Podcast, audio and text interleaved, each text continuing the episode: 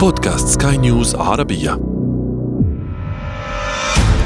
شريط سينما شريط سينما تتابعون في هذه الحلقة موضوع الرهائن آه، عبارة عن إيه؟ يعني إيه التكوين بتاعه؟ قوة آه، مسلحة أمام مدنيين عزل وفي نفس الوقت بيبقى الأمر حياة أو موت شريط سينما Lights, camera, action.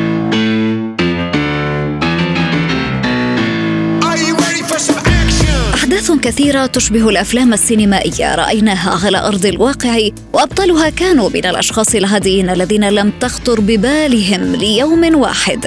أنهم سيمرون بهكذا تجارب أليمة. وسيناريو الرهائن في الحرب الدائرة الآن في قطاع غزة سواء تحدثنا عن الرهائن الفلسطينيين المحتجزين لدى إسرائيل أو حتى الإسرائيليين والأجانب الذين تحتجزهم حركة حماس. يبدو صعبا عميقا ومؤلم. وبالعودة إلى الفن تجارب قاسية وثقتها السينما من قبل بالرجوع إلى قصص حقيقية باتت الآن محفورة في ذاكرة المشاهد وكلها من وحي الأرض.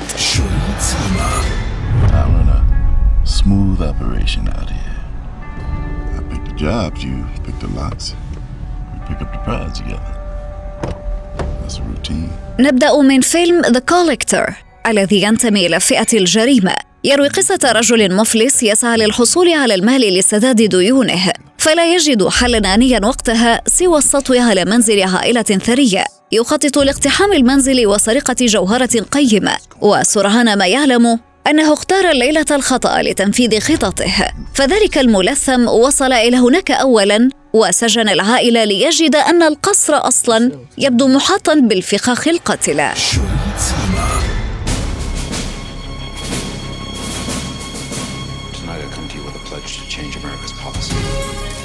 atrocity and terror are not political weapons. And to those who would use them, your day is over.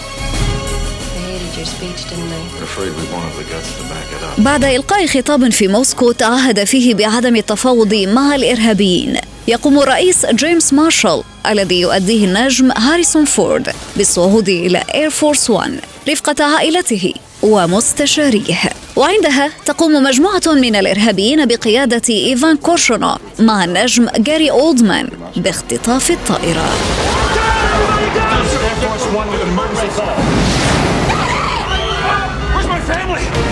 The president's plane, Air Force One, has been hijacked.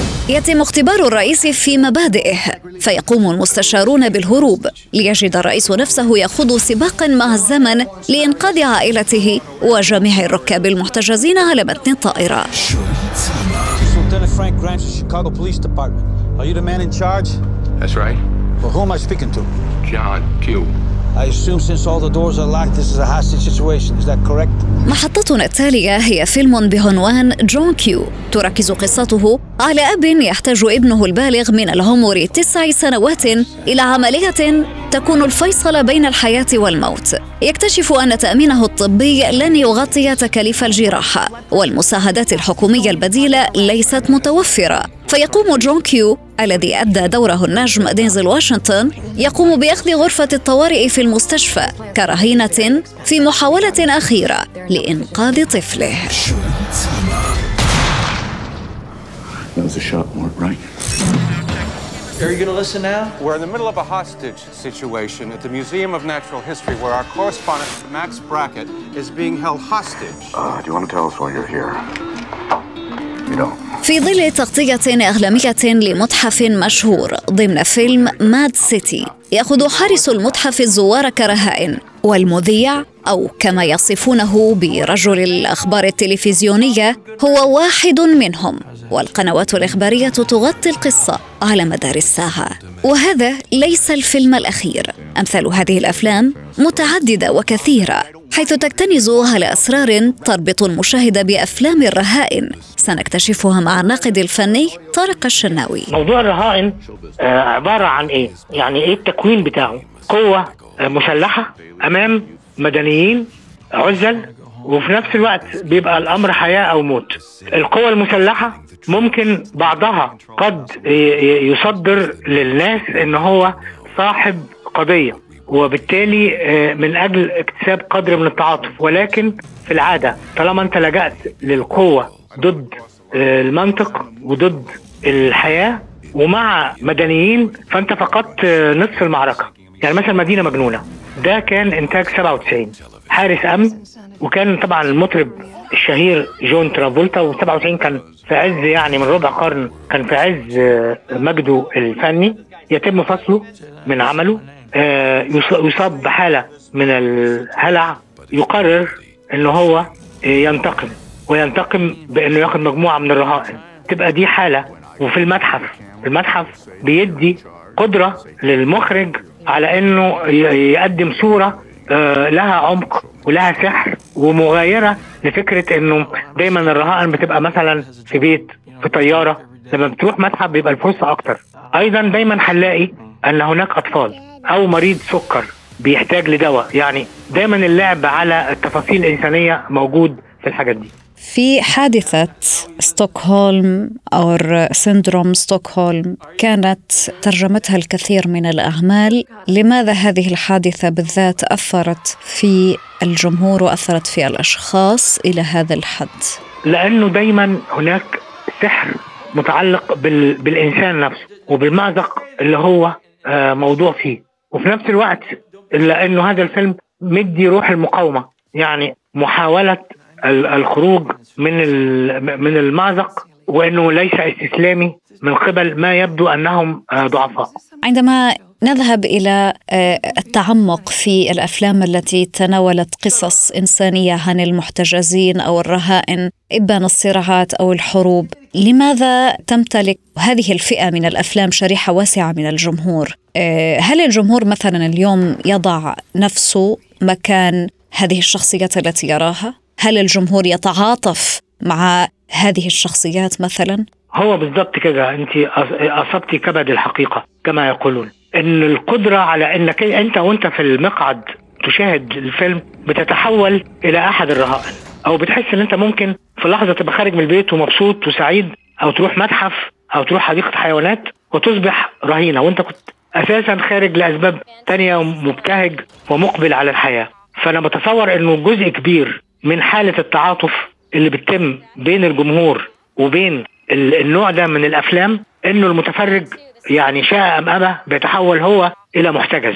هذه التجربة الإنسانية النفسية لماذا يود المشاهد أنه يعيشها؟ تشبه بالنسبة لي أفلام الرعب بس بتزيد عن أفلام الرعب إنها أكثر مصداقية. يعني أنت تخش فيلم الرعب وشايف حاجات خارج المنطق شايف زومبي الزومبي عادة ما بنقابلهمش في الحياة.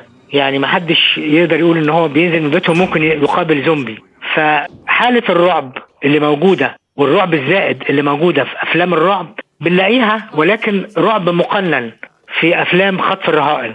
فالنوع ده من فعلا من الأعمال بتبقى فرصته أكتر في حالة التماهي بين المشاهد وبين آه الشاشة لأن هو فعلا أصبح هو هو الرهينة هو اللي تحت المقسله أنت بتتحول إلى رهينة بمصداقية أكتر من أفلام الرعب. يعني هي تحمل من ما يجري في أفلام الرعب على المستوى النفسي الكثير. الفارق أنها أكثر مصداقية من أفلام الرعب. أفلام الرعب أنت بتدخل أكنك داخل بيت الرعب بتاع زمان. عارف إنها ممكن تكون يعني مجرد صنع خيال بحت. لكن ده لا, لا أنت تقرأ الجرائد تتابع الفضائيات تكتشف إن العالم كله ممكن في لحظة تتحول جميعا إلى رهائن. إرهاب والكباب. يا سادة إحنا ما بنلعبش لعبة عسكر وحرامية. إحنا لينا مطالب ولازم تتنفذ. يا حلوين لعل من أشهر الأفلام العربية التي تحدثت عن رواية الرهائن والمحتجزين الفيلم الشهير الإرهاب والكباب. ورغم أن العمل يمزج بين الكوميديا السوداء التي تحمل الكثير من الانتقادات لبعض الصور والظواهر الاجتماعية إلا أنه كسب شريحة واسعة من الجمهور وبات واحدا من أكثر الأفلام الخالدة في الذاكرة العربية. عادل ويسرى وعلاء ولي الدين وإخراج شريف عرفة وتأليف وحيد حامد كمال الشناوي كان هو ضابط الداخلية آه، وأثار ضجه كبيرة في الشارع العربي كله. آه وكان حاجة اسمها ميدان التحرير عندنا في القاهرة. كان في كل حياة المصريين من اللي عايز يعمل رقم قومي جواز سفر تحليل فيش وتشبيه كل حاجة. ففجأة أصبح هذا المبنى الحيوي جدا عند كل المصريين في قبضة ناس بسطاء بيطالبوا بالكباب. يعني حتى المعالجة كانت كوميدية. يطالبون بركن من أركان أسس الحياة. خلينا نحكي أساسيات الحياة اللي هو لقمة العيش. يطالبون بالأكل. أيوه بس عملوها بشكل ساخر فخلوا فكان في نداء كده الكباب الكباب يعني خلي عيشتكم هباب وفعلا اضطر وزير الداخلية أو اللي لعب دوره إن هو يجيب لهم فعلا كباب عشان يفضوا الاعتصام بس من خلال ال ال الأجواء دي قدر وحيد حامد يطرح كل المشاكل ككاتب سيناريو يعني طرح كل المشاكل في قالب فانتازيا خيالي آه، مصدق. كان في prostitute مثلا. كمان يعني في كل أنماط المجتمع. الرجل البسيط اللي بيحب وعايز ينتحر عشان حبيبته ما فقال لك اطلع من فوق المجمع وانتحر. كل الأنماط تواجدت في آه، مجمع التحرير في هذا المكان. كانوا هم الرهينة وهم المرهونين في نفس الوقت. والدولة قررت إن هي فعلا تفض الاعتصام وهو أنهاها وحيد بدون ما يبقى فيه لا دمويه عشان ده فيلم كوميدي لازم ما يكونش فيه دماء وما اتقبضش عليهم. ومشيت الحكاية. لماذا هذا الفيلم ظل خالد في ذاكرة المشاهد؟ هذا هذا العمل أنا شفته أنا صغيرة يعني. طبعا وعايز أقول لك في فيلم بقى يمكن ما نجحش قوي جماهيريا لكن ده خد التنيت الذهبي في مهرجان قرطاج هو فيلم سوري الإنتاج والمخرج مصري والكاتب فلسطيني اللي هو المخدوعون. القصة الغسان كنفاني ده كاتب آه، مهم جدا فلسطيني. وهذا الفيلم نحن تحدثنا عليه في الحلقة السابقة من شريط سينما. هذا الفيلم لأن كان تناول آه، موضوع القضية الفلسطينية والحرب بين فلسطين وإسرائيل والمحتجزون. في الآخر ماتوا خنقا لأنهم لا يستطيعوا الخروج خارج الفنطاس هم دخلوا إليه مرغمين. أفلام المحتجزين والرهائن اليوم نحن نرى فيلم على أرض الواقع ولكن أبطاله شخصيات حقيقية كل ما يجري على الأرض هو حقيقي. حرب غزة موضوع التصعيد على هذه الأرض بين حركة حماس وإسرائيل الرهائن المحتجزين سواء من الإسرائيليين المحتجزين لدى حماس أو حتى من الفلسطينيين المحتجزين لدى إسرائيل. هذه الأحداث الواقعية الأليمة العميقة المؤثرة. هل تتوقع أستاذ طارق أنه ستكون في أعمال مستقبلا أو حتى في القريب العاجل تتناول هذه الشخصيات؟ خاصة ونحن نرى بين الفينة والأخرى هناك مظاهرات أمام البرلمان الإسرائيلي تطالب بضرورة التحرك لاسترجاع ذويهم. يعني هل تتوقع إنه مستقبلا راح يكون في قصص إنسانية سواء من الجانب الفلسطيني أو حتى من المحتجزين حاليا لدى حماس تؤثر في السينما.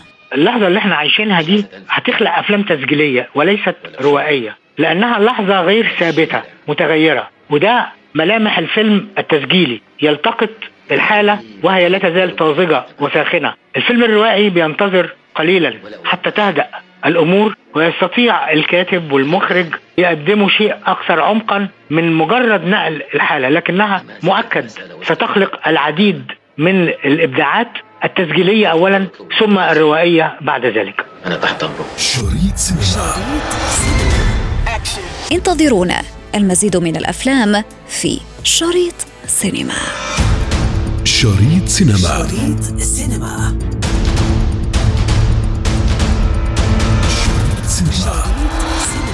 وفي ختام حلقتنا نذكركم بمتابعتنا والاستماع لنا عبر منصة البودكاست لسكاي نيوز عربية وباقي منصات البودكاست الأخرى. كنت معكم في الإعداد والتقديم أنا ابتسام العكريمي وكان في الإخراج نويل بولس